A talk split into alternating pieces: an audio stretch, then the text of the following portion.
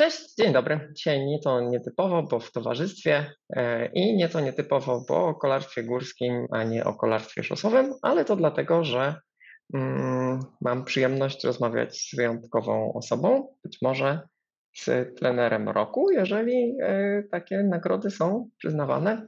Zatem moim gościem jest e, Maciej Jeziorski, dziesiąty zawodnik Mistrzostw Polski w kolarstwie górskim, no i współautor worka medali w kolarstwie górskim. E, cześć, dzień dobry, witam wszystkich. Dziewiąty zawodnik, muszę cię poprawić. Ale e, spoko, nie jest to duża różnica, w każdym razie top 10. I faktycznie na tych mistrzostwach Polski udało, nie udało się, tylko zrealizowaliśmy kilka ważnych celów z zawodnikami, także faktycznie tutaj e, takie na pewno do zapamiętania Mistrzostwa Polski pod kątem trenerskim. E, no, a trener roku nie ma takich e, nagród, nic mi o tym nie wiadomo, ale tutaj może się nie, nie wgłębiając, ale prawda jest taka, że nie tylko, wcale nie tylko wyniki świadczą o tym, jak, wiesz, jak dobrze współpracujesz z podopiecznym. Oczywiście je najłatwiej pokazać, najłatwiej o nich opowiadać, jeżeli są dobre, ale e, no tutaj są inne też ważne aspekty, które czasem ciężej pokazać, a, ale kwestia progresu i wyciągnięcia potencjału nie, u zawodnika to jest, to jest klucz do tego, e, czy ta współpraca tutaj z kimś e, układa się, czy nie. Ostatni raz w taki oficjalny sposób rozmawialiśmy 7 lat temu, sprawdziłem to i E, tak jak przed nagraniem zamieniliśmy jeszcze parę zdań, to wtedy było jeszcze w formie pisemnej, to znaczy spotkaliśmy się na zawodach Pucharu Szlaku Solnego. E, ja nagrałem tą rozmowę, potem ją spisałem i opublikowałem. E, wtedy byłeś jeszcze wciąż stosunkowo młodym, obiecującym zawodnikiem i wygrałeś Puchar Polski w kolarstwie górskim. I to było 7 lat temu, kawał czasu.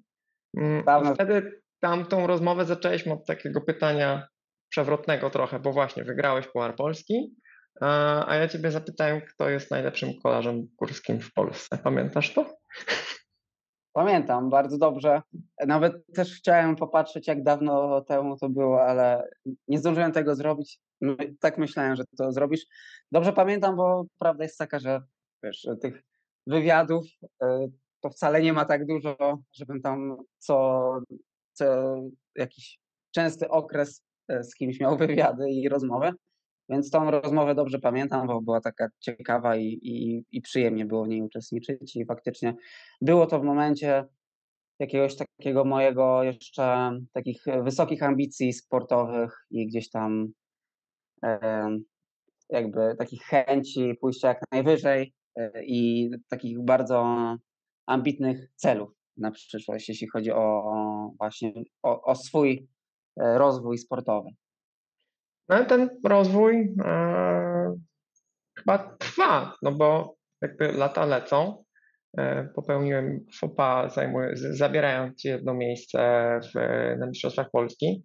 No ale top ten Mistrzostw Polskiej Elity, e, gdzie poza tobą i Michałem Toporem, swoją drogą też twoim podopiecznym, E, wszystko to jak na polskie warunki i w sumie oficjalnie też to byli reprezentanci grup zawodowych albo kół zawodowych, w każdym razie dużych klubów. No, wy jesteście prywaciarzami tak naprawdę, więc już abstrahując od e, jakby długości twojej kariery, to myślę, że utrzymywanie się na takim poziomie, utrzymywanie się w e, top ten elity, będąc zawodnikiem niestowarzyszonym, to tak naprawdę jest duże osiągnięcie.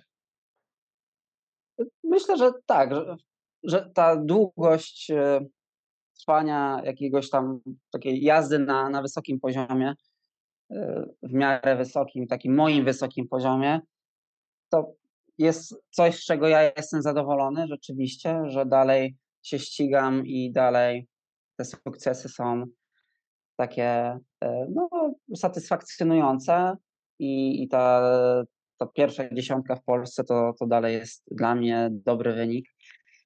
Czy rozwój trwa? Y, to jest tak, że że w ogóle w takim cyklu rozwoju zawodnika generalnie jest tak, że te pierwsze 5 lat zazwyczaj idziemy do góry, kolejne 5 lat.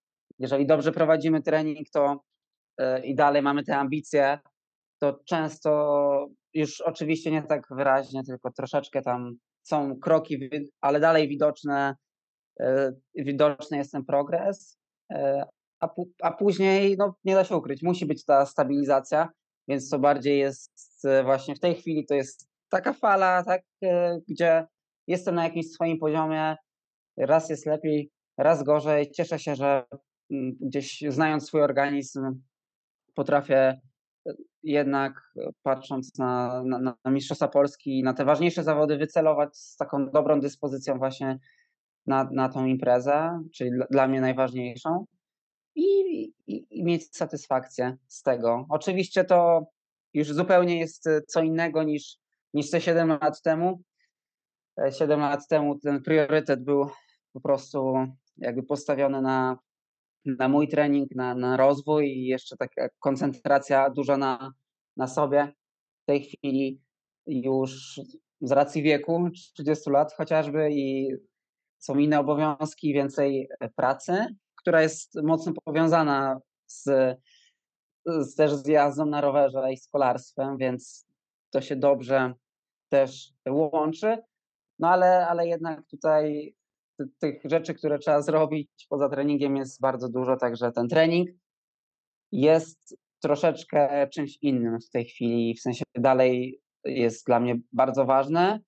To wie, czy może nie ważniejszy, w ogóle sport, tak, pełni troszeczkę inną funkcję e, generalnie u młodego zawodnika, a inną funkcję u osoby, która już tam po prostu pracuje i wychodzi przede wszystkim między pracą a pracą na rower, tak? Co też jest mega istotne, tak, pod kątem e, powiedzmy takim e, psychofizycznym zachowania energii życiowej i generalnie od odpoczynku, od, od jakichś obowiązków, nie?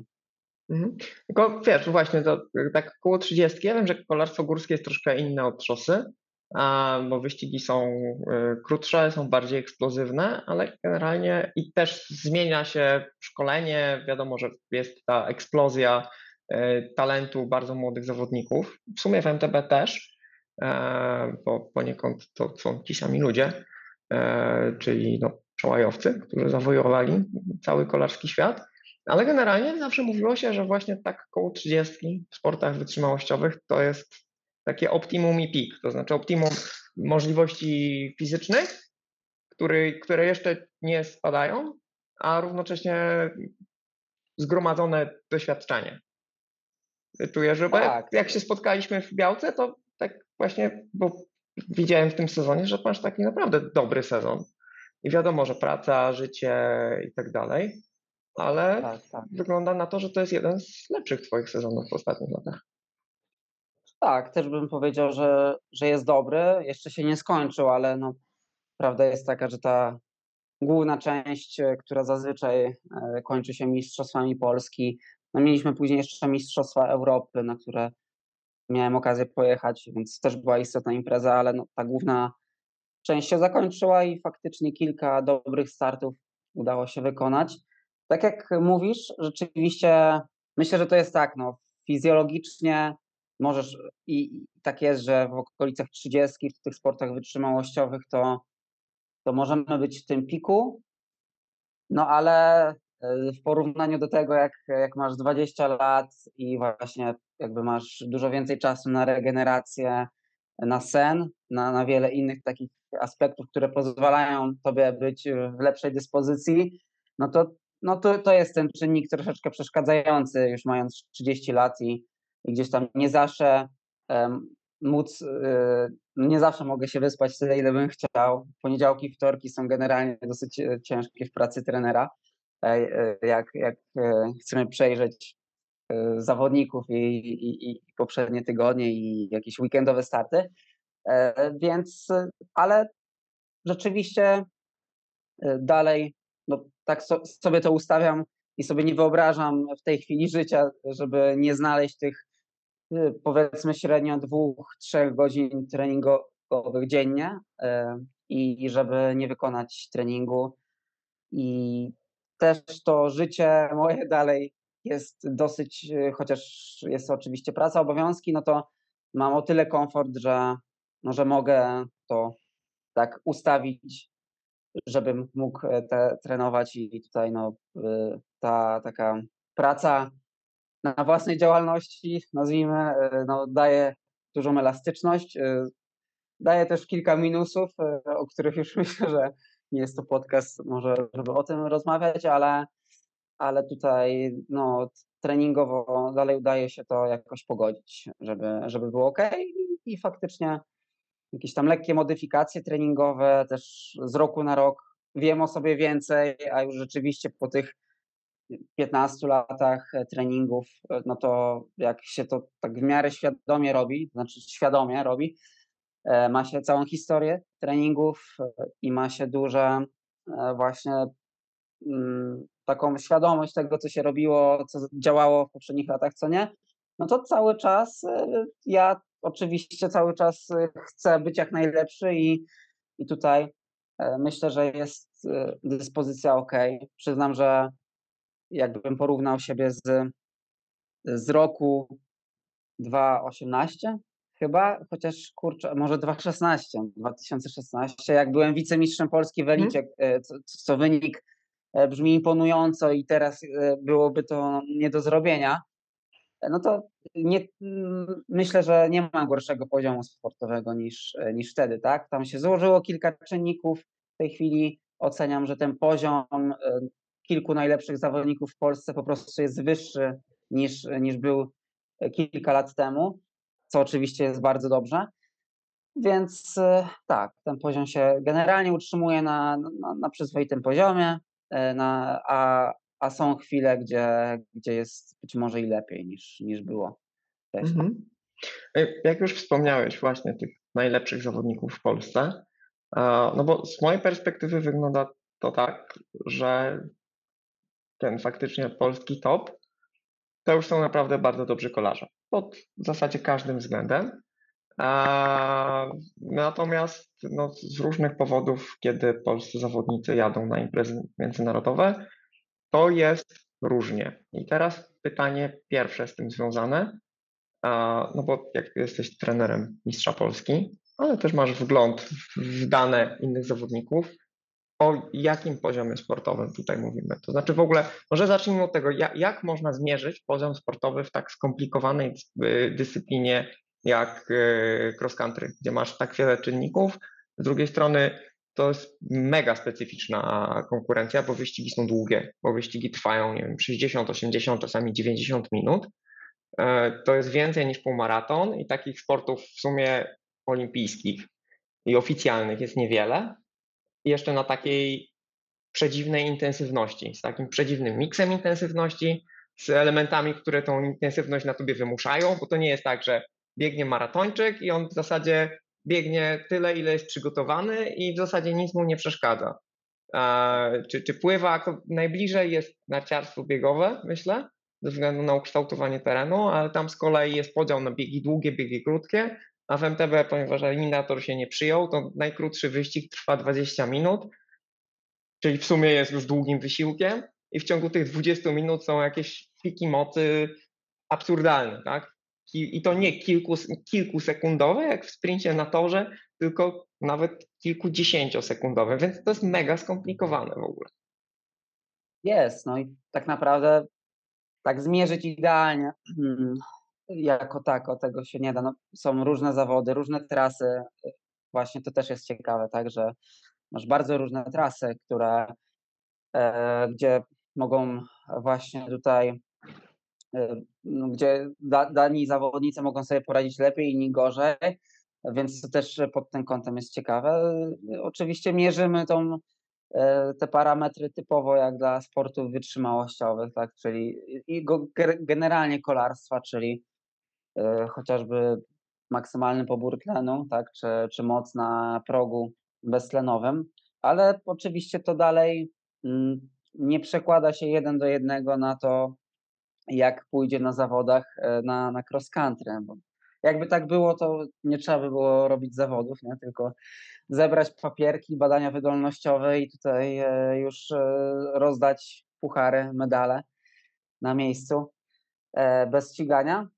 Więc tak jak mówisz, cross country jest niesamowicie ciekawą dyscypliną, bardzo złożoną, jak porównamy do wielu innych dyscyplin, takich znacznie bardziej przewidywalnych. Tutaj jeszcze mamy elementy techniki, tak, no, sprzęt oczywiście też, ale powiedzmy, że on jest w każdej dyscyplinie, ale jakby ta złożoność mm, wysiłku fizycznego i różnorodność w zależności od trasy jest, jest ogromna. Stąd, stąd uważam, że, że to jest bardzo ciekawa dyscyplina po prostu, tak? I tutaj kwestia trasy, kwestia dnia e, u tych zawodników, którzy są na podobnym poziomie sportowym, może może zadecydować, czy ktoś przyjeżdża w top 5, czy w top 55, dosłownie, bo jak spojrzymy na, na wyniki Pucharów Świata w cross country, no to zawodnicy, którzy jednego tygodnia walczą o medale, drugiego, czy tam no, jakby następnego weekendu są na miejscach 20-30, nie? Jest bardzo, bardzo ciekawe. Oczywiście jest trzon zawodników z czołówki, który generalnie zawsze tam przyjeżdża, ale e, tutaj jest tyle tych e, czynników, które mają na to wpływ, że to czyni cross country no, bardzo ciekawą dyscypliną, więc ale oczywiście tam mm, e, w czołówce i tak jak i zarówno w Polsce, jak i na świecie, no nie ma zawodnika, który by miał nisko parametry jak poboru, maksymalnego poboru tlenu. Każdy musi mieć e, to wysoko, żeby być. E, wysoko, czyli rząd wielkości. No, 75 e, tak, milimetr, milimetr, mililitrów na kilogram, tak? Jeśli mhm. chodzi o, o pobór tlenu. Jeśli chodzi o, o FTP, czyli właśnie ten próg, no to nie równa się FTP, to nie jest idealnie próg przemian no, beztlenowych, to... bo to jest e, taka pośrednia, powiedzmy, e, nazwa, która się przyjęła bardzo łatwo jest ją dostosować do treningu, tak generalnie. No ale to też tutaj e, tak zawodnicy z, z czołówki, nie wiem jak na świecie, bo takiego nie mam, ale ale mam tutaj zawodnika, który faktycznie jest obecnie mistrzem Polski, czyli Krzyśka, no to, no to już musi być gdzieś tam e, w granicach, e, w okolicach 6, e, jeśli chodzi o wat na kilogram. Czyli to są generalnie wartości a, World szosowców, bo to się, to się mniej więcej do tego sprowadza. Nie mówię, że zawodników, którzy, którzy się ścigają o zwycięstwa na szosie, ale żeby generalnie być członkiem ekipy World Tourowej, to raczej mówimy o tego typu parametrach. Tak, no tak, żeby być członkiem. Nie tak jak mówisz, no ci, co teraz walczą o zwycięstwo w Tour de France, no to widzimy, co, co robią. To są jeszcze inni ludzie, in, in, inny level, ale, ale tak, jakby tutaj no, e, to są mniej więcej właśnie takie, takie parametry, które by pewnie pozwalały przejechać może, chociaż no, zupełnie inny wysiłek oczywiście, więc trzeba by było... Jakby to nawet nie, nie, nie musimy mówić o tym, że pozwalały, no bo mamy w tym momencie y, zawodników, którzy się ścigają w cross country czy w maratonach, którzy jechali w Weltę, tak? czyli Pawła Bernasa i Michała Palutę, którzy się ścigają na szosie i mają w swoim, na swoim koncie przejechane wielkie tury. Tak, tak, tak. No, dokładnie. No i widać Paweł tutaj y, super wszedł Y, aż y, myślę wiele osób się dziwi, że aż tak dobrze udało mu się odnaleźć w tej dyscyplinie, bo jednak no, ten aspekt techniczny jest tu bardzo ważny w cross country i rzeczywiście no na pewno nie każdy szosowiec by sobie tak mm, tak byłby w stanie sobie poradzić, nie? No trzeba mieć jakąś tam przeszłość na pewno E, taką, że jednak ktoś jeździł na MTB i to, i to czuje i, i potrafi, bo na technice, jeżeli no, w tej czołówce no, liczą się niuanse już, więc jeżeli ktoś tam wyraźnie sobie nie radzi na elementach technicznych, no to już ogromne straty się notuje. Nie? Tym bardziej, że to eskaluje. W sensie, jeśli chodzi o trudności techniczne i w zasadzie w tym momencie już bym nawet nie powiedział, że z roku na rok, tylko z miesiąca na miesiąc. Nie wiem, czy widziałeś już wideo z e, trasy Mistrzostw Świata w Glasgow, co tam będzie. Tak, ja czekałem na. YouTubie, jak e, odliczali, żeby pokazać, bo byłem bardzo ciekaw, e, co tam będzie. Chociaż pokazali taki, to znaczy to, co ja widziałem, to taki pięciominutowy Tak, tak. em, taki pokaz najciekawszych elementów e, rzeczywiście. Znaczy ja, ja, jestem, ja jestem przerażony, szczerze mówiąc, i pewnie wątpliwości zaczyna wzbudzać to, że e, trasy zawodów cross country pokazują ludzie w kaskach i strojach zjazdowych i enduro. I to pokazuje, że może już jesteśmy na granicy tego, żeby nie pójść za daleko, albo właśnie poszliśmy już o krok za daleko. Wiesz co, nie miałem, nie miałem aż takiego przemyślenia, jak to, to zobaczyłem. No bo na pewno to były wszystkie fragmenty najciekawsze. Z tego co wiem, też rozmawiałem z obecnym selekcjonerem kadry elity też, czyli Przemkiem Gierczakiem, ma jakieś tam informacje, że reszta trasy jest generalnie fizyczna, jest jakiś długi podjazd na tej trasie też, E, więc to były jakieś najciekawsze elementy oczywiście. I jeden gap mnie tam faktycznie przeraził. E, Bez objazdu. Chyba tam jest- nie ma objazdu. Oni mówili tak, że jest, e, to jest e, tam 3,5 metrowy gap między skałami i e, ten właśnie człowiek w stroju enduro mówił, że on jest obligatoryjny. Tak, także ciekaw jestem rzeczywiście. Sam jadę tam, bo, bo, bo no, chcę, chcę obejrzeć tą rywalizację z różnych względów. Przede wszystkim z, w związku z tym, że jedzie trzech zawodników, z którymi mam okazję współpracować jako mistrzowie Polski i właśnie jadą na, na Mistrzostwa Świata. Mam nadzieję, że, że jeszcze w mojej przygodzie trenerskiej się to nieraz powtórzy, ale stwierdziłem, kurczę, trzeba lecieć, zobaczyć, bo nie wiadomo ile razy zawodnicy będą aż tak licznie startować moi na, na Mistrzostwach Świata jeszcze w koszulkach no, bę- będąc mistrzami Polski, zresztą też wszyscy jadą w sztafecie. Akurat na, na nią nie zdążę niestety, nie mogę się rozdwoić. E, Ale tak, e, Mistrzostwa Świata ciekawie się zapowiadają jeszcze pod kątem, ale to już może za daleko wy, wy, wybiegam rywalizacji w ogóle elity, tak, i tego, że będzie tam, no każdy, wszyscy, którzy, którzy się ścigają, nie, Pitcock, e, Van Der Poel, Tak. Sagan podobno, e, jeżeli to jest prawda, więc no i reszta cała.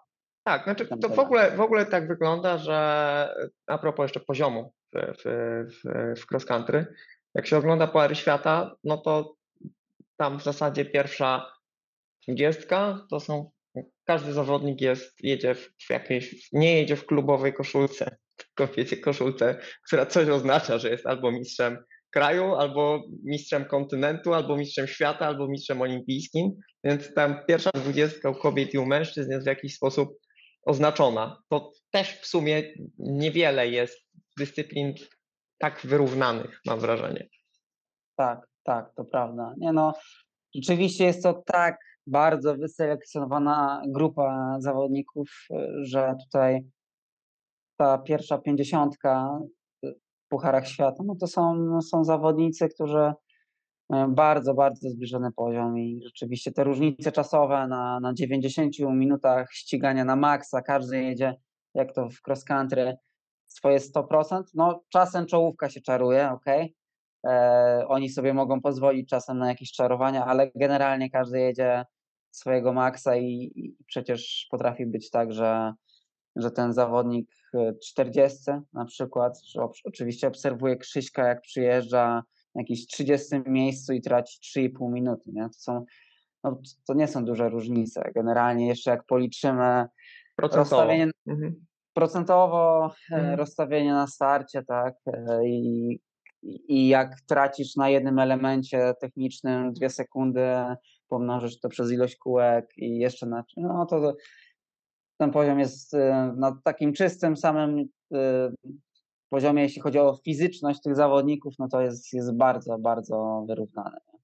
Właśnie, i teraz chciałbym przeskoczyć trochę i połączyć Twoje prywatne doświadczenia jako zawodnika e, z tym, no, byłeś na Mistrzostwach Europy też jako członek kadry, równocześnie opiekowałeś się młodzieżą jako trener kadry.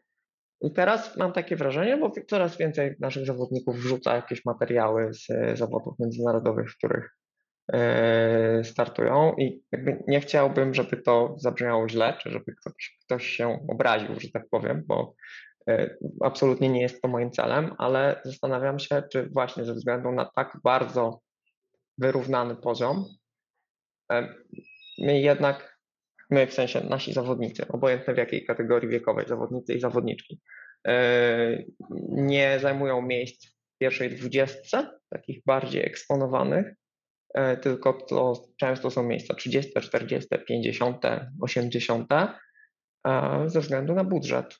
To znaczy, i nie chodzi o to, że nie wiem, nie zarabiają pieniędzy jako zawodowcy, albo że nie mają stypendia, albo te kwoty są jakieś tam w porównaniu, nie są w euro, tylko są w złotówkach na przykład, tylko mam raczej na myśli zaplecze. To znaczy, że nasi zawodnicy jednak nie są aż tak bardzo w 100% skupieni na tylko i wyłącznie swoim wyścigu. I per analogia, tak, ty jesteś no, prywatnym zawodnikiem niestowarzyszonym, yy, pracujesz, startujesz, masz swoich zawodników, w związku z tym, nie wiem, na przykład zamiast szósty jesteś dziewiąty. Można to w ten sposób przełożyć? W sensie, krótko mówiąc, jakby ktoś e, naszym zawodnikom nosił walizki, podawał śniadanie, wyliczał kalorie, e, robił to wszystko, to może nie byliby na miejscu 30, ale byliby na miejscu 15.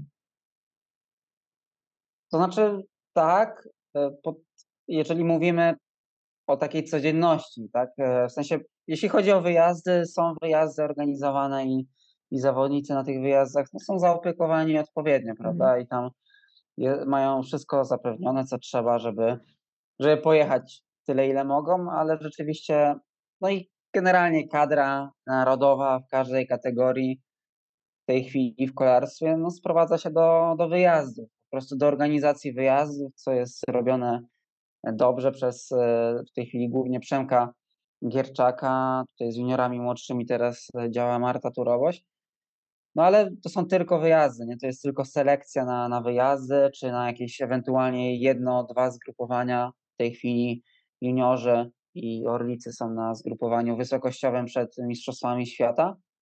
No i fajnie, ale, ale to jest bardzo mało, prawda? W, mhm. porównaniu do, jak porównamy to, że ci zawodnicy przez 11 miesięcy trenują, ten miesiąc e, powiedzmy, że, że jest luzą w roku, E, to no, tego zaplecza na pewno brakuje, no, oczywiście, i, i to, co by podniosło na pewno poziom sportowy, to już dosyć uważam, że szybko by zadziałało w ciągu, nie wiem, roku, dwóch może, tak? Czyli nie w perspektywie, tak jak często lubimy rozmawiać, żeby tam zmienić wszystko od zera, e, czy też e, i za 8 lat z tego będą tutaj jakieś będą widoczne efekty tego, tylko kwestia właśnie e, tutaj jakiegoś sztabu ludzi, którzy, którzy na co dzień e, też współpracują z takim, e, z trenerami indywidualnymi zawodników, tak,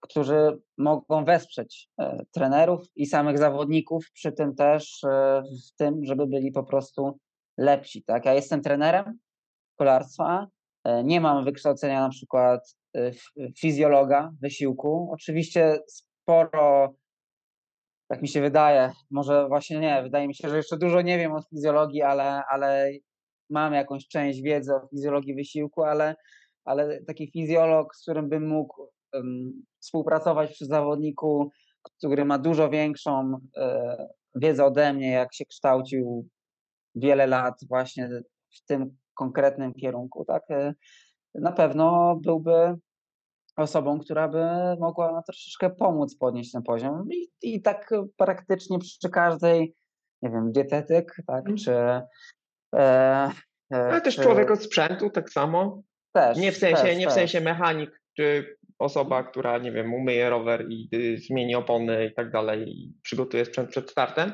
ale faktycznie dobierze E, dobierze ten sprzęt w jakichś tam szczegółach. Oczywiście, że zawodnicy, niektórzy zawodnicy są pasjonatami, ci zawodnicy nasi najlepsi też i się tym interesują i pewne rzeczy sobie dobierają sami i tak dalej, i tak dalej. Natomiast mam wrażenie, że no, ten światowy top, zresztą to widać teraz na różnice nawet w World są gigantyczne, czy, czy jak się patrzy na, na Puchar Świata Cross Country, jak duże są różnice między najbogatszymi teamami albo tymi, których się stawia na e, faktycznie na takie elementy. I jak się to poskłada do kupy, to się okazuje, że faktycznie e, zawodnicy na podobnym poziomie są lepsi i nagle uzyskują przewagę i wygrywają. Ogromne różnice, no, czy też lekarz sportowy. No, można by tam wymieniać jeszcze kilka osób, które fajnie by było mieć w takim sztabie. E, no, wszystko w dużej mierze z pewnością sprowadza się do budżetu, oczywiście. Mm, pewnie, e, pewnie takim przykładem no, zawodnika, zawodniczki konkretnie, która miała takie zaplecze, która mogła sobie zapewnić tak coś w tym rodzaju, tak była Maja Włoszczowska. No, jak e, dobrze mniej więcej rozumiem, że mogła to zrobić po tym, jak zdobyła medal Igrzysk e, Olimpijskich, czy też weszła na ten poziom bardzo wysoki i to jej zapewniło jakieś pieniądze ministerialne, żeby móc sobie zapewnić takie zaplecze. Ale jak się nie ma aż tak wysokich wyników, e, no to no niestety kolarstwo to nie jest NBA czy jeszcze inne sporty. Zwłaszcza kolarstwo górskie. Zwłaszcza kolarstwo górskie, mhm. żeby zawodnicy za swoją w sumie pensję mogli sobie zbudować zespół, który będzie z nimi jeździł jak w tenisie, czy, czy pewnie w kilku jeszcze innych dyscyplinach. Nie? To, nie, to nie jest to.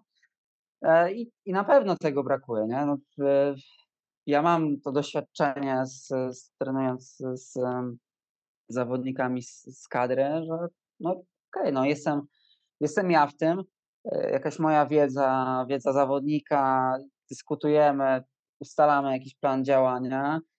E, no i oczywiście ja się też posiłkuję, czy tam mam jakieś znajomości swoje, no ale to nie jest, żeby, żeby przedyskutować jakąś dietę czy, czy jakieś inne rzeczy związane z treningiem, ale to, to jednak nie jest to, jak, jakby była był przy tym odpowiedzialny sztab, tak, mm. który być może nawet mógłby być z tego w jakiś sposób rozliczany. No. Przyznam, że sam jestem ciekaw, jak to wygląda u powiedzmy tej pierwszej dwudziestki, trzydziestki z Pucharów Świata, jak to wygląda u Szwajcarów, bo, nie wiem, nie wiem. Szwajcarów, u Francuzów. Mhm. Tak, czy rzeczywiście ci zawodnicy z tego topu tam są objęci aż tak E, dobrym właśnie takim zapleczem, jeśli chodzi o, o trening, czy, czy jednak dalej to jest e, na podobnej zasadzie. No, dalej, no nawet na tym najwyższym poziomie, to cross country dalej nie jest, nie jest tenisem, ani nie jest jakimś takim sportem, gdzie te budżety są aż tak ogromne. No i nie jest, nie jest szosą. Nie wiem, Też, nie jest szosą Van, Van Aertowi się y, urodziło dziecko wczoraj. Wrzucił zdjęcie zaraz po urodzeniu jak, jakby trzyma to dziecko, no i na ręce ma Rolexa, tak? No właśnie, więc e, nie no, budżety są oczywiście zupełnie, zupełnie inne, nawet właśnie tak jak mówisz, ja tam mówię o tenisie czy NBA, a wystarczy spojrzeć na, na szosę, nie? Że tutaj, no więc e, tak to, takie jest cross country i kolarstwo górskie generalnie, co też ma kilka swoich plusów. E, tak naprawdę, że jest trochę bardziej kameralnym sportem. Ale to też długo by już e, iść tą stronę. Tak, ale właśnie, bo wspomniałeś Maję Włoszczowską e, i Igrzyska Olimpijskie, i poziom olimpijski, i medal olimpijski. No i tak, ty wystartowałeś teraz na Mistrzostwach Europy, co jest takim też twoim pikiem kariery. Równocześnie byłeś trenerem kadry młodzieżowej.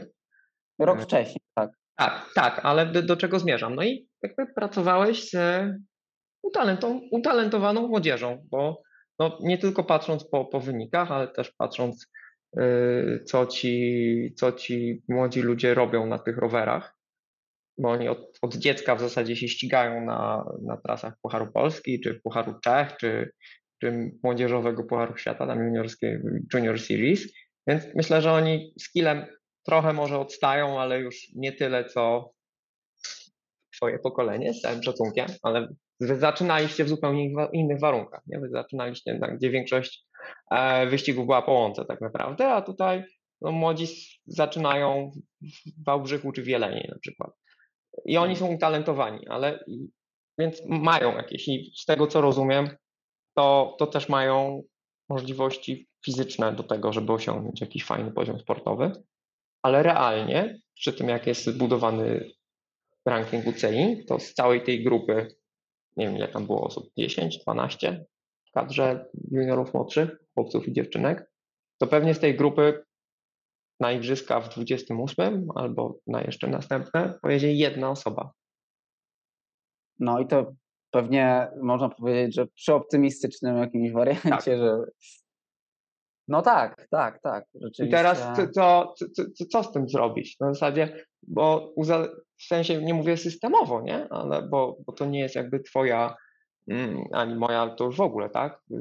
Sprawa. Natomiast no, mamy kilkanaście osób z odpowiednim VO2 max, wyselekcjonowanych na podstawie tam wyników w młodszych kategoriach wiekowych, przebadanych, bo mniej czy bardziej, ale gdzieś tam, nawet jeżeli nie robi się tego systemowo, to teraz kluby czy, czy rodzice jakby wysyłają dzieci na badania wydolnościowe, więc ci juniorzy młodsi, którzy się ścigają na tym wysokim poziomie, abstrahując od tego, co mówiłeś przy okazji materiału z Olimpiady Młodzieży, że trzeba ich prowadzić rozsądnie, żeby się nie wypalili, tak? Ale to są jakieś tam talenty, bo mają dobre parametry tak. fizjologiczne i potrafią jeździć na rowerze y, ja to już w ogóle nie, ale lepiej niż ty również, tak? Patrząc na to, co, co ci młodzi robią.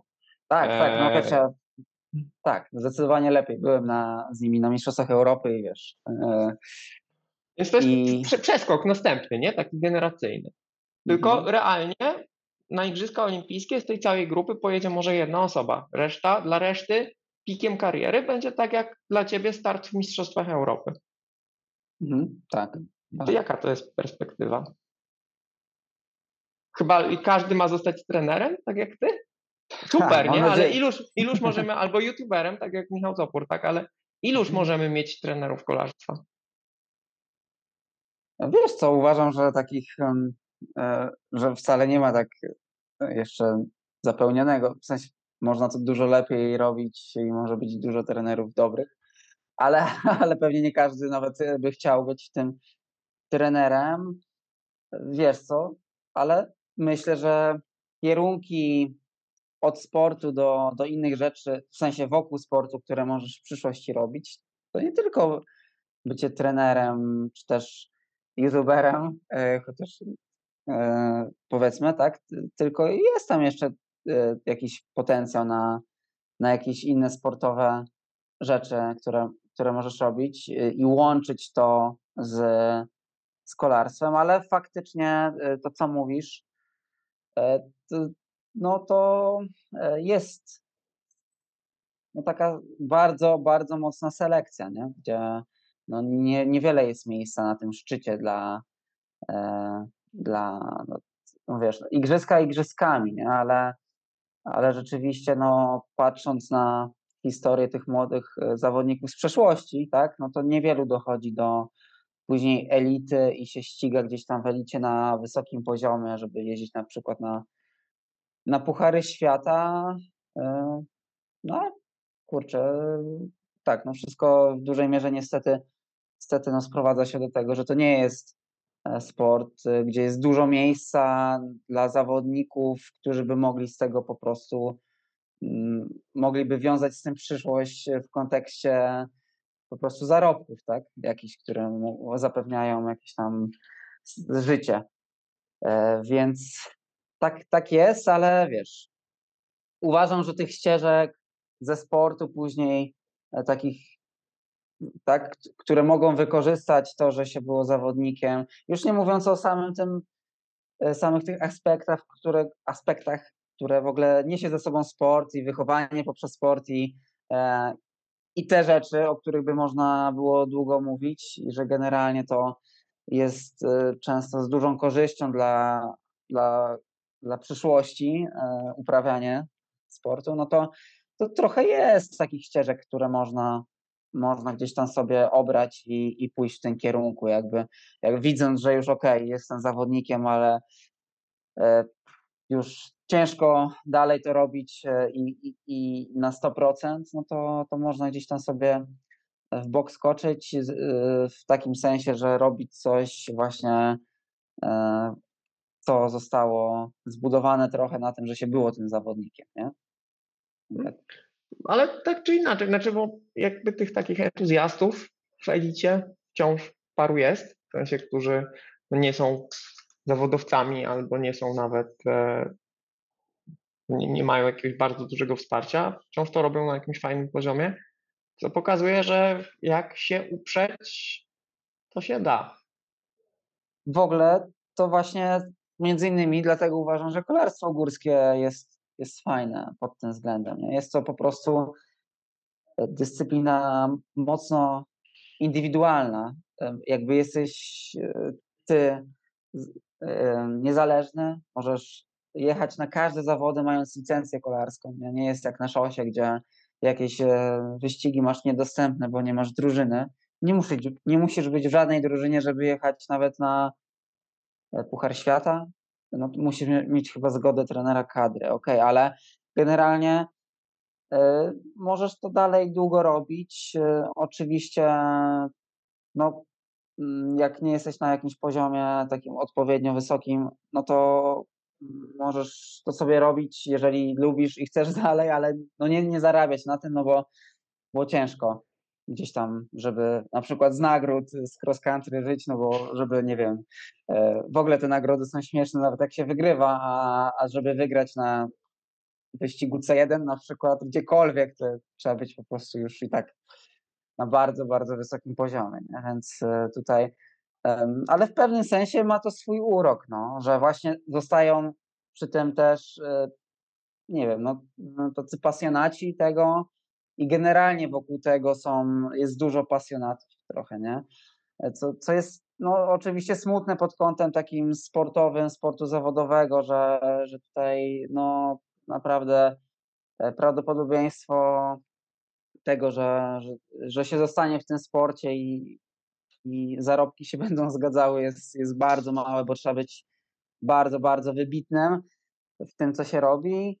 E, no ale pod kątem właśnie ludzi, którzy, którzy zostają i takiej zajawki na to po prostu, no to, to, to ma swój urok, nie? Jakby zostaje, nie, niewiele tam osób zostaje w kolarstwie górskim, które robi to dla pieniędzy, nie? Czy dla nagród, czy, czy tylko są, bo, bo to lubią, godzą z innymi rzeczami i, i w tym zostają, nie? Z drugiej strony to są wciąż naprawdę konkretni sportowcy, bo patrząc, nie wiem czy śledzisz, ale odrobinkę gdzieś tam kątem oka, ale śledzę scenę biegów górskich, która w Polsce jest na, na bardzo wysokim poziomie, bo też no, polscy zawodnicy na imprezach międzynarodowych osiągają duże sukcesy i często się zdarza, że właśnie z powodów często życiowo-czasowo-budżetowych kolarz górski wyczynowy, ale niezawodowy wchodzi do biegów górskich, no i tej bardzo wyśrubowanej, na tym bardzo wyśrubowanym poziomie i w bardzo wyrównanej stawce radzi sobie naprawdę bardzo dobrze, nie? Tak, tak, to jest wysoki poziom sportowy generalnie, rzeczywiście. Tutaj pewnie jak to mówisz, tak mi się wydaje, bo zresztą też z Krakowa jest Dominik Grządziel, prawda, który tak e, e, tutaj przeszedł na biegi górskie i i się widzieliśmy na bajkach. Niektórzy, niektórzy mastersi z Nowego Targu. I no, tych, od tych osób, które wyszły z kolarstwa, weszły do biegów górskich trochę jest. Tak, no, bo to jest y, też właśnie sport wydolnościowy. Jeżeli jest ta baza zrobiona, taka wytrzymałościowa, wydolnościowa, to, to te biegi górskie no, w pewnym sensie no, są po prostu wysiłkiem wytrzymałościowym, ale E, tak, nawet z Dominikiem miałem okazję rozmawiać na Bike Adventure i tutaj wymienić kilka zdań na ten temat. I chyba biegi górskie aż tak bardzo nie śledzę, nie? ale opowiadał mi, że w ogóle tam tak jakby to jest taki mocno temat rozwijający się. Trochę to porównał do maratonów MTB sprzed 10-15 lat. Mówi, że ale nie wiem na ile to prawda. Pytał się mnie o a nie, może nie, może pytał się mnie o to, co dostałem e, za generalkę, za drugie miejsce w Bike Adventure. Generalnie tam nagrody zdecydowanie jakby nie przyciągają, e, bo chyba taki jest trend trochę e, w kolarstwie górskim, że, że no, organizatorzy nie, nie, niekoniecznie tutaj hojnie To też nie jest, im, nie jest im łatwo w tym momencie, no bo No tak, tak, tak. Pieniędzy No i na rynku generalnie nie jest dużo, w samorządach nie jest dużo, no ale to jest na inną rozmowę. No, ja nie narzekając zupełnie, bo w ogóle nie, nie licząc się, że będą nagrody, ale porównał to właśnie z nagrodami w biegach górskich, to tak, e, że no tam jest ciekawie podobno i że, że, że e, właśnie ta dyscyplina się rozwija, ale to jest wysoki poziom e, generalnie sportowy, e, wydolnościowy, rzeczywiście. No i to są tacy amatorzy, pasjonaci, którzy z tym zostają. To dalej są sportowcy, którzy e, codziennie wychodzą na trening, robią go, nie ma wymówek często, nie ma, że się nie chce i tutaj nie ma żadnego odpuszczania, więc to się niewiele różni, jeśli chodzi o taki sport wyczynowy pod tym względem, jeśli chodzi o, o tą konsekwencję w treningu. Nie? Oczywiście trening już jest inny, objętości są często inne, no bo ktoś, kto pracuje 8 godzin dziennie, to co jednak nie potrenuje, nie jest w stanie y, potrenować, czy robić takich treningów, planów treningowych, jak osoba, której, to jest zawód. Bo jeszcze potrenować to może zrobi taki trening, ale już nie odpocznie dobrze pomiędzy, więc na długo to nie, no, się nie utrzyma te, te, e, takie obciążenia treningowe, jak zawodowcy mogą zrobić. No. Mhm. A w sumie to trochę jest tak też właśnie, no bo e, kolarze generalnie, kolarze, biegacze też, mam wrażenie, że tutaj może mnie wyprowadzić z błędu, bo współpracuję z różnymi osobami, też na różnym poziomie sportowym, ale mam wrażenie, że poziom a, jakiejś takiej ogólnej wiedzy o treningu, o, o odżywianiu, nawet o fizjologii e, wśród takich amatorów sportu, już przechodząc właśnie trochę do amatorów, jest dosyć wysoki. Czy nie? Wiesz co? Ciężko, bardzo mi ciężko by było powiedzieć tak lub nie, y, tak zgeneralizować, że wiesz, bo, bo są bardzo ró różni Mhm. amatorzy, ale bym powiedział, że jak ktoś już faktycznie trenuje i przykłada do tego no, sporo czasu swojego i gdzieś jest na tym wyższym poziomie sportowym, takim amatorskim, czyli powiedzmy przyjeżdża w pierwszej dwudziestce jakichś maratonów ogólnopolskich, to często faktycznie są to świadomi już zawodnicy, którzy sporo, mają sporą wiedzę tak? na, na, na temat w ogóle treningu. Często są to osoby, które już trenują kilka lat i, i po prostu są świadomymi zawodnikami, amatorami, ale ze sporą wiedzą y, i, i mm, powiedziałbym, że czasem nawet większą wiedzą niż, niż osoby, i to często dietetycy zwracają na to uwagę, akurat jak tam kojarzę trochę środowisko też dietetyczne, że, że często to zawodowcy e, mają jakby słabszą świadomość tego, e, co robią, co jedzą w tym przypadku, ale można to przełożyć na trening, e, niż, niż właśnie taki świadomy amator, który sam z siebie się stara, który sam z siebie inwestuje czas, pieniądze i chce po prostu więcej wiedzieć na ten temat. Nie?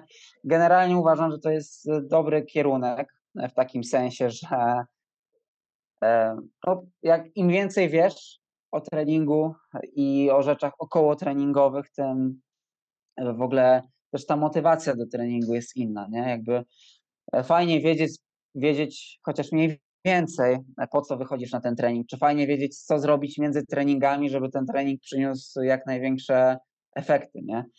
E, Więc tutaj jak ta świadomość jest większa, to też oczywiście idzie to w parze z tym, że efekty treningu są, są lepsze i no, no nie, bo nie kończy się to tylko na tym, taki mm, możliwie jak najbardziej skuteczny trening, żeby odbębnić e, tak zadane tam słupki w Garminie, zrobić to, wrócić i, i tyle. I na razie. Nie? Jakby, oczywiście do, do jakiegoś tam poziomu, jak zaczynamy od zera, to, to jest super i, i to bardzo dobrze idzie i jest progres, ale, ale dosyć szybko on się kończy, ten progres taki pierwszy i rzeczywiście trzeba jednak się zająć innymi rzeczami, inne aspekty poruszyć i też już nie mówiąc o takiej świadomości swojego organizmu i czy rzeczywiście ten trening, który jest zadany, to faktycznie czy, czy ma sens w danym dniu, czy nie, jak to czujemy my sami. Nie? Ale E, trochę za bardzo się rozgadałem, ale tak, e, świadomość tych wielu sportowców, amatorów mm, jest na, na coraz wyższym poziomie. Myślę, że też dlatego, że ta wiedza jest pewnie no, może jeszcze bardziej anglojęzyczna, ale jednak bardziej dostępna, chociażby właśnie w postaci podcastów, w postaci, nie wiem, materiałów na, na YouTubie różnych e, i tak dalej, i tak dalej, nie? które można sobie mhm. posłuchać. No powiedz mi, jak jest z młodzieżą? No bo duża część zawodników, których ty prowadzisz, to są młodzicy, juniorzy, młodsi juniorzy. Dużo się mówi, patrząc na te super talenty E, na świecie, że e, oni są prowadzeni od, dziecka w zasadzie jak profesjonaliści. E, czy ci młodzi ludzie, jakby, którzy u nas się ścigają i mają talent i dużo potrafią na rowerze, oni są jakby zainteresowani takim swoim rozwojem jako zawodnika od, od dziecka, czy tam od, od, od nastolatka, czy oni po prostu się tym bawią, a tym się nie zajmują rodzice, trenerzy i tak dalej. Jak to wygląda? Z mojego doświadczenia wynika, że ta młodzież, chociażby tak jak e, współpracując chwilę z kadrą e, juniorów młodszych, no, że ta młodzież, która jest na najwyższym poziomie, jest już dosyć świadomą młodzieżą, wie co robi mhm. E, i jakby wie po co, wie co, jest i, i wie, że co powinno się robić między treningami, żeby, żeby odpocząć. Więc y, no tak, i to też oczywiście pomaga w tym całym procesie, chociaż tak jak tu wspomniałeś materiał mój gdzieś tam o właśnie o tej kategorii na, na YouTubie, ale też oczywiście tutaj już może trochę inny temat związany z tym, że trzeba im dać mimo wszystko sporo luzu, tak i to dalej są juniorzy młodsi, czyli młodzież, młodzież która ma 15-16 lat.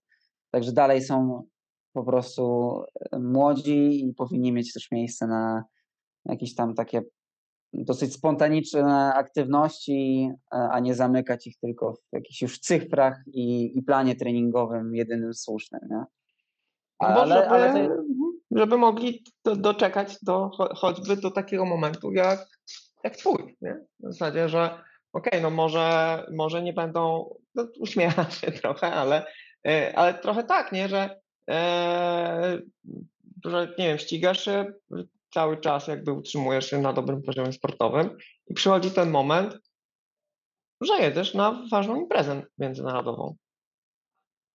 E, tak, przyznam, że wiesz, uśmiecham się, bo mm, no bo co, bo pojechałem na Mistrzostwa Europy rzeczywiście pierwszy raz, y, będąc powołanym do kadry, oczywiście się złożyło na to chociażby fakt, że była bardzo szeroka kadra, bo mieliśmy Mistrzostwa Europy w ramach Igrzysk Europejskich w Polsce, ale y, fak faktem jest, że dla mnie to był jakiś tam istotny moment w mojej przygodzie ze sportem, że, że trochę bym to nazwał, dotrwałem do takiego momentu na jakimś poziomie i że miałem okazję E, pojechać, już nie wgłębiając się, jak to finalnie wyszło na samych zawodach, bo, bo nieszczęśliwie powiedzmy, bo jakiś tam defekt, ale, ale tak, e, będąc juniorem młodszym, ja miałem cel, pamiętam, jasno postawiony, e, czyli chciałem być mistrzem świata, mistrzem olimpijskim i, to tak oczywiście może się wydawać śmieszne, ale kurczę, uważam, że, że będąc jeszcze w takim wieku, po prostu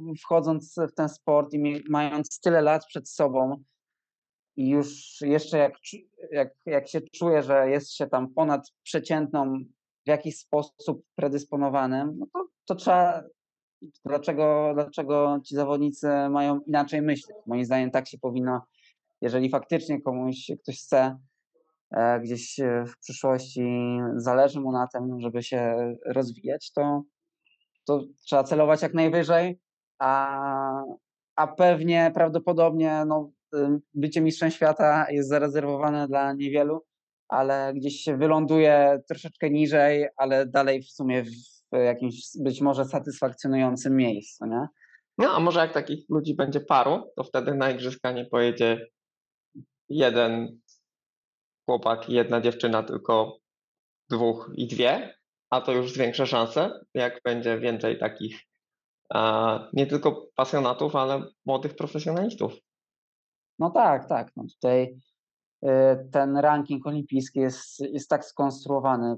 Nie wiem, jak to wygląda w innych sportach, ale pewnie podobnie, że, że tutaj fajnie, jak jest kilku rówieśników na wysokim poziomie, którzy po prostu w przyszłości by zbierali punkty do rankingu i jako Polska, jako kraj e, wtedy możemy więcej wystawić tych zawodników, choć dalej niewielu, no nie da się ukryć, trzech, maksymalnie, tak, więc to jest mocno okrojony skład, no ale a, ale igrzyska to igrzyska, no to jest rzeczywiście już taka mocno wyselekcjonowana w ogóle impreza dla, dla niewielu sportowców. E, I pewnie, no na pewno marzenie wielu, ale po drodze są Igrzyska Europejskie, też jakaś forma igrzysk. Nie, nie wiem na ile one się utrzymają, jak długo, ale, e, ale rzeczywiście to uczestniczenie w tych, w tych Igrzyskach Europejskich było dla mnie, no nie mówiąc o tym, że sam uczestniczyłem, to uczestniczyło dwóch e, zawodników, z którymi mam okazję E, przyjemność współpracować, więc to było takie bardzo, bardzo przyjemne i mocno wyróżniające się od wielu, każdej innej imprezy, nie? bo faktycznie ma to jakąś tam formę takich igrzysk pod tym kątem, że się tam mieszka przez kilka dni w jednym miejscu z tymi, tymi wszystkimi zawodnikami z, z tej dyscypliny najlepszymi na świecie i się owsiankę nakłada z tego samego, wiesz, naczynia, co a powinni wam odważyć. No, powinni, tak, dokładnie. Powinni wam odważyć owsiankę, to do ziarenka. No. Mhm.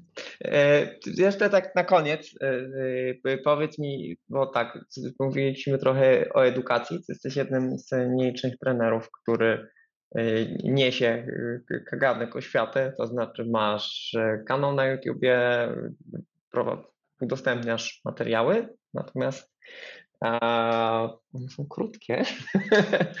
Pytanie, czy planujesz może coś więcej? Ja wiem, że czas, że, że życie, trening, e, podopieczni i tak dalej, ale e, właśnie może jakaś, zachęcałbym Cię do jakiejś formy bardziej podcastowej, takiej w wymiarze, w wymiarze czasu, takim jak wyścig choćby żeby na wyścigu sobie przesłuchać. Na przykład, albo w drodze na wyścig, albo, albo w ogóle, żeby, żeby coś posłuchać po polsku, bo po polsku, tak jak też wspomniałeś, no nie ma za wielu, za wielu materiałów tam w, w przeszłości, ale to chyba zaprzestali. E, w pewnym momencie ekipa Inpika e, próbowała robić materiały z Rafałem Hebiszem, no i ty realnie jesteś drugi, jak chodzi o, o, o materiały treningowe audio, wideo po polsku. Tam może można coś jeszcze gdzieś wygooglać, ale tego jest niewiele. Tu, jeżeli mówimy, to, to polecę Tomka Chruświckiego. Nie wiem, czy kojarzysz, trenera kolarstwa też, który robi fajną, fajną robotę i sam słucham jego materiału, bo też fajnie jakby tą wiedzę gdzieś e, miksować i zobaczyć, e, posłuchać. I powiem tak, to co robię w tej chwili, to pewnie jest 1% tego, co bym chciał robić, tak? E, I, i no, czasu jeszcze trochę mam przed sobą, więc mam nadzieję, że powoli się będzie udawało wdrożyć jakieś pomysły, e, żeby, żeby tego było faktycznie więcej. Podcast, super rzecz, e, którą też by fajnie było zrobić właśnie w postaci długich rozmów ze specjalistami, więc mam nadzieję, że tak.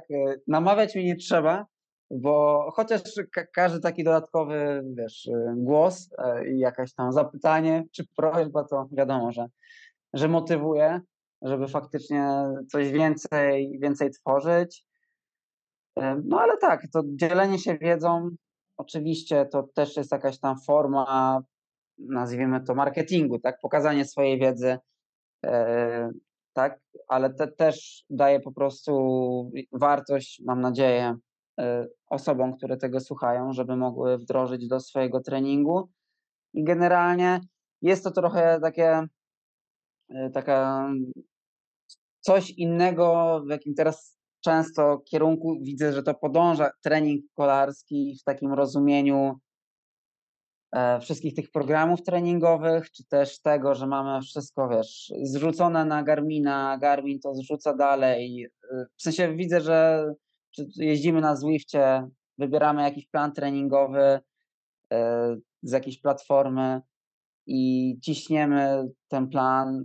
Wiele osób tak trenuje i do końca nie wiemy po co, dlaczego, wiesz, ten trenażer jeszcze nam ustawi te obciążenia, które tam trzeba robić i to, to jest takie pozbawione, pozbawione po prostu e, jakiegoś właśnie takiego przekazu pod kątem edukacji, po co ten trening jest, dlaczego on ma być wykonany, a dlaczego być może czasem lepiej odpuścić.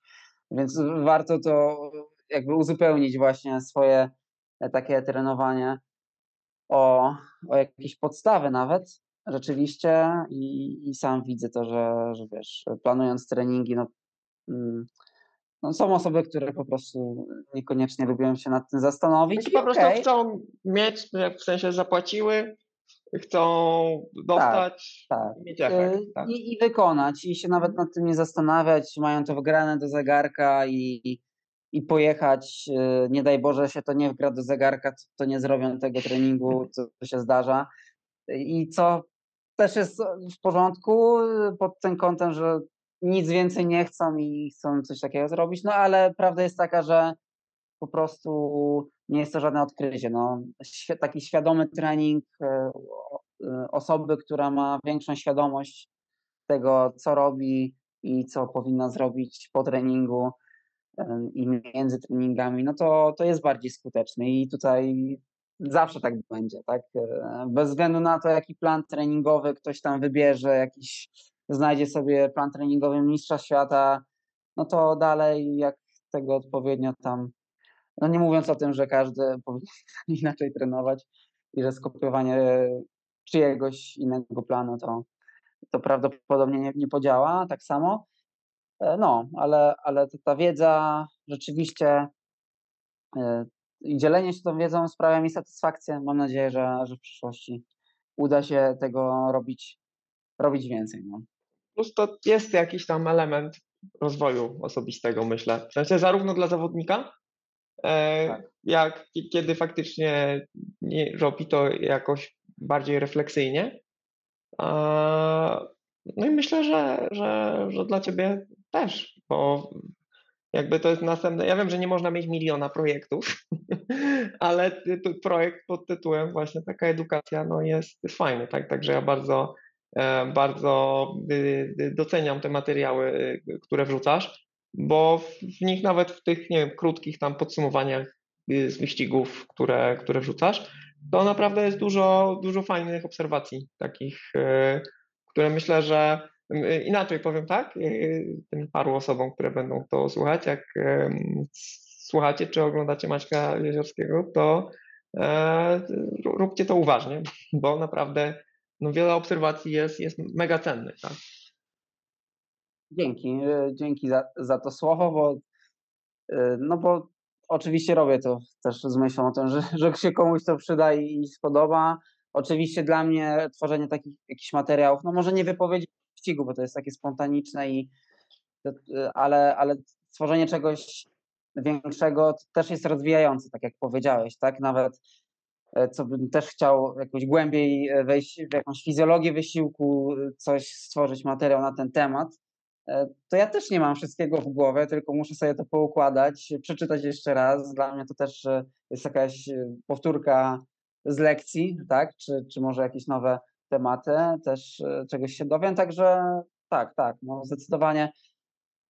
E, co? No to jest kwestia, prawda jest taka, że wszystko jest kwestią czasu, w sensie każdy ma dobę 24 godziny i odpowiednim posterowaniem tego, po prostu, nie? Jakby e, tutaj praca trenera na pewno nie powinna polegać tylko na mm, gdzieś tam, żeby 100% nie wypełniło praca zawodnikami, trzeba sobie zostawić przestrzeń na dalszy rozwój czy tworzenie jakichś treści. I dobrze wiem, co mam zrobić w przyszłości, czyli tą przestrzeń sobie zwiększyć, tak? W jakiś sposób. E, łatwo powiedzieć, być może trudniej zrobić, nie wiem. Z zobaczę, będę się starał e, jakoś z tym odpowiednio rozdysponować, żeby, żeby tego czasu po prostu było więcej no. Mhm. na, na tworzenie treści.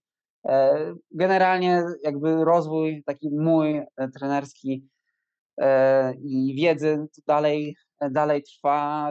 Sam lubię tam uchłonąć jakieś treści w książce, czy w ogóle w tej chwili e, właśnie niedawno robiłem, em, że zapisałem się na, żeby troszeczkę jeszcze jakiś e, na nowy kurs e, trenera TI, więc, więc jakieś tam nowe rzeczy. Mam nadzieję, że się czegoś, czegoś dowiem i zwiększę jeszcze swoje kompetencje trenerskie.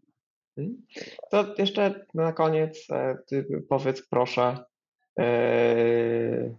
co dalej w tym sezonie? Znaczy ten sezon jest e, specyficzny. Mnie, mnie się szczerze mówiąc podoba taki układ kalendarza. On jest, wiadomo, że te Mistrzostwa Europy trochę e, skomplikowały pewnie i tobie jako zawodnikowi i trenerowi, bo były tak troszkę w środku, ale taki podział sezonu, gdzie te Mistrzostwa Polski w XC były wcześniej, Puchar Polski rozdzielony na dwie części i Mistrzostwa Polski w maratonie, do których w końcu można się jakoś przygotować, E, a nie iść ich z marszu.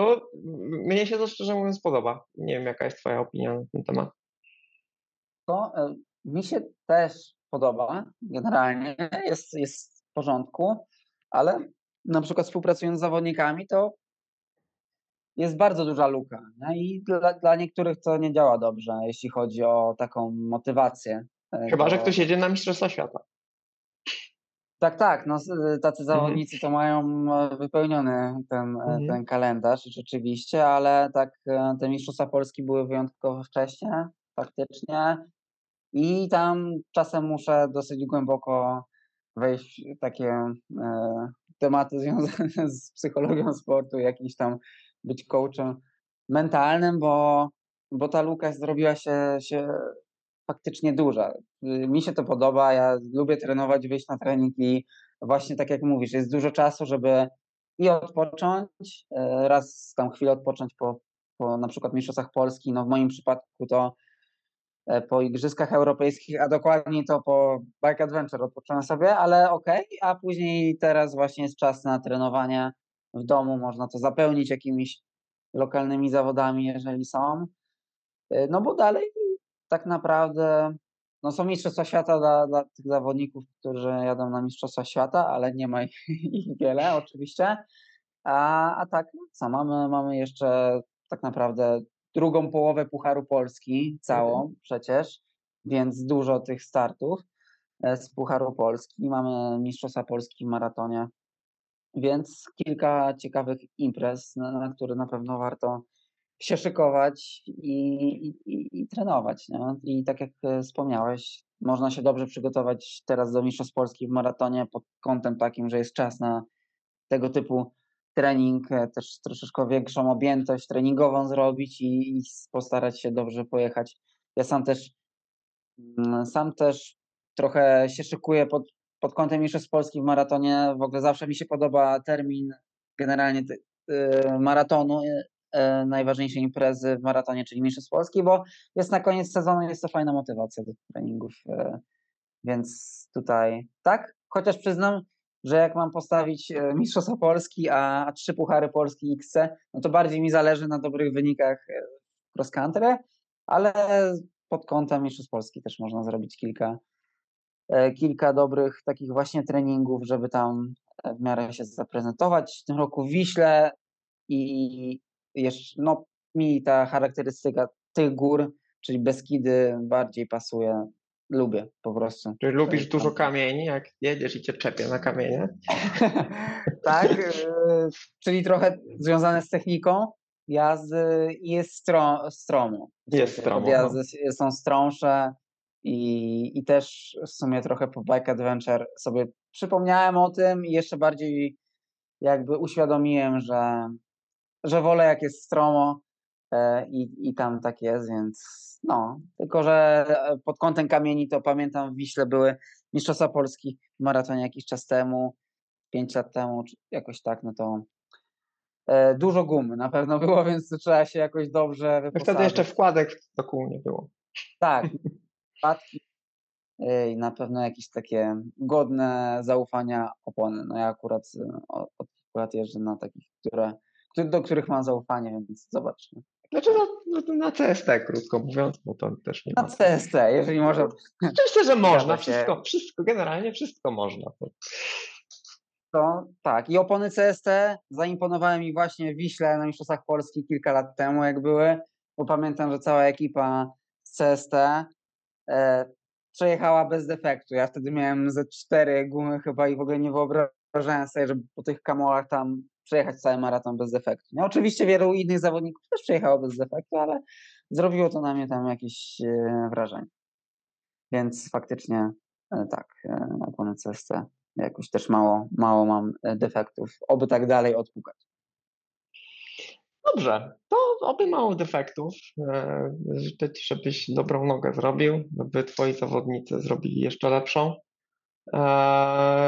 I będę Cię motywował do uruchomienia e, podcastu z edukacją dla mas.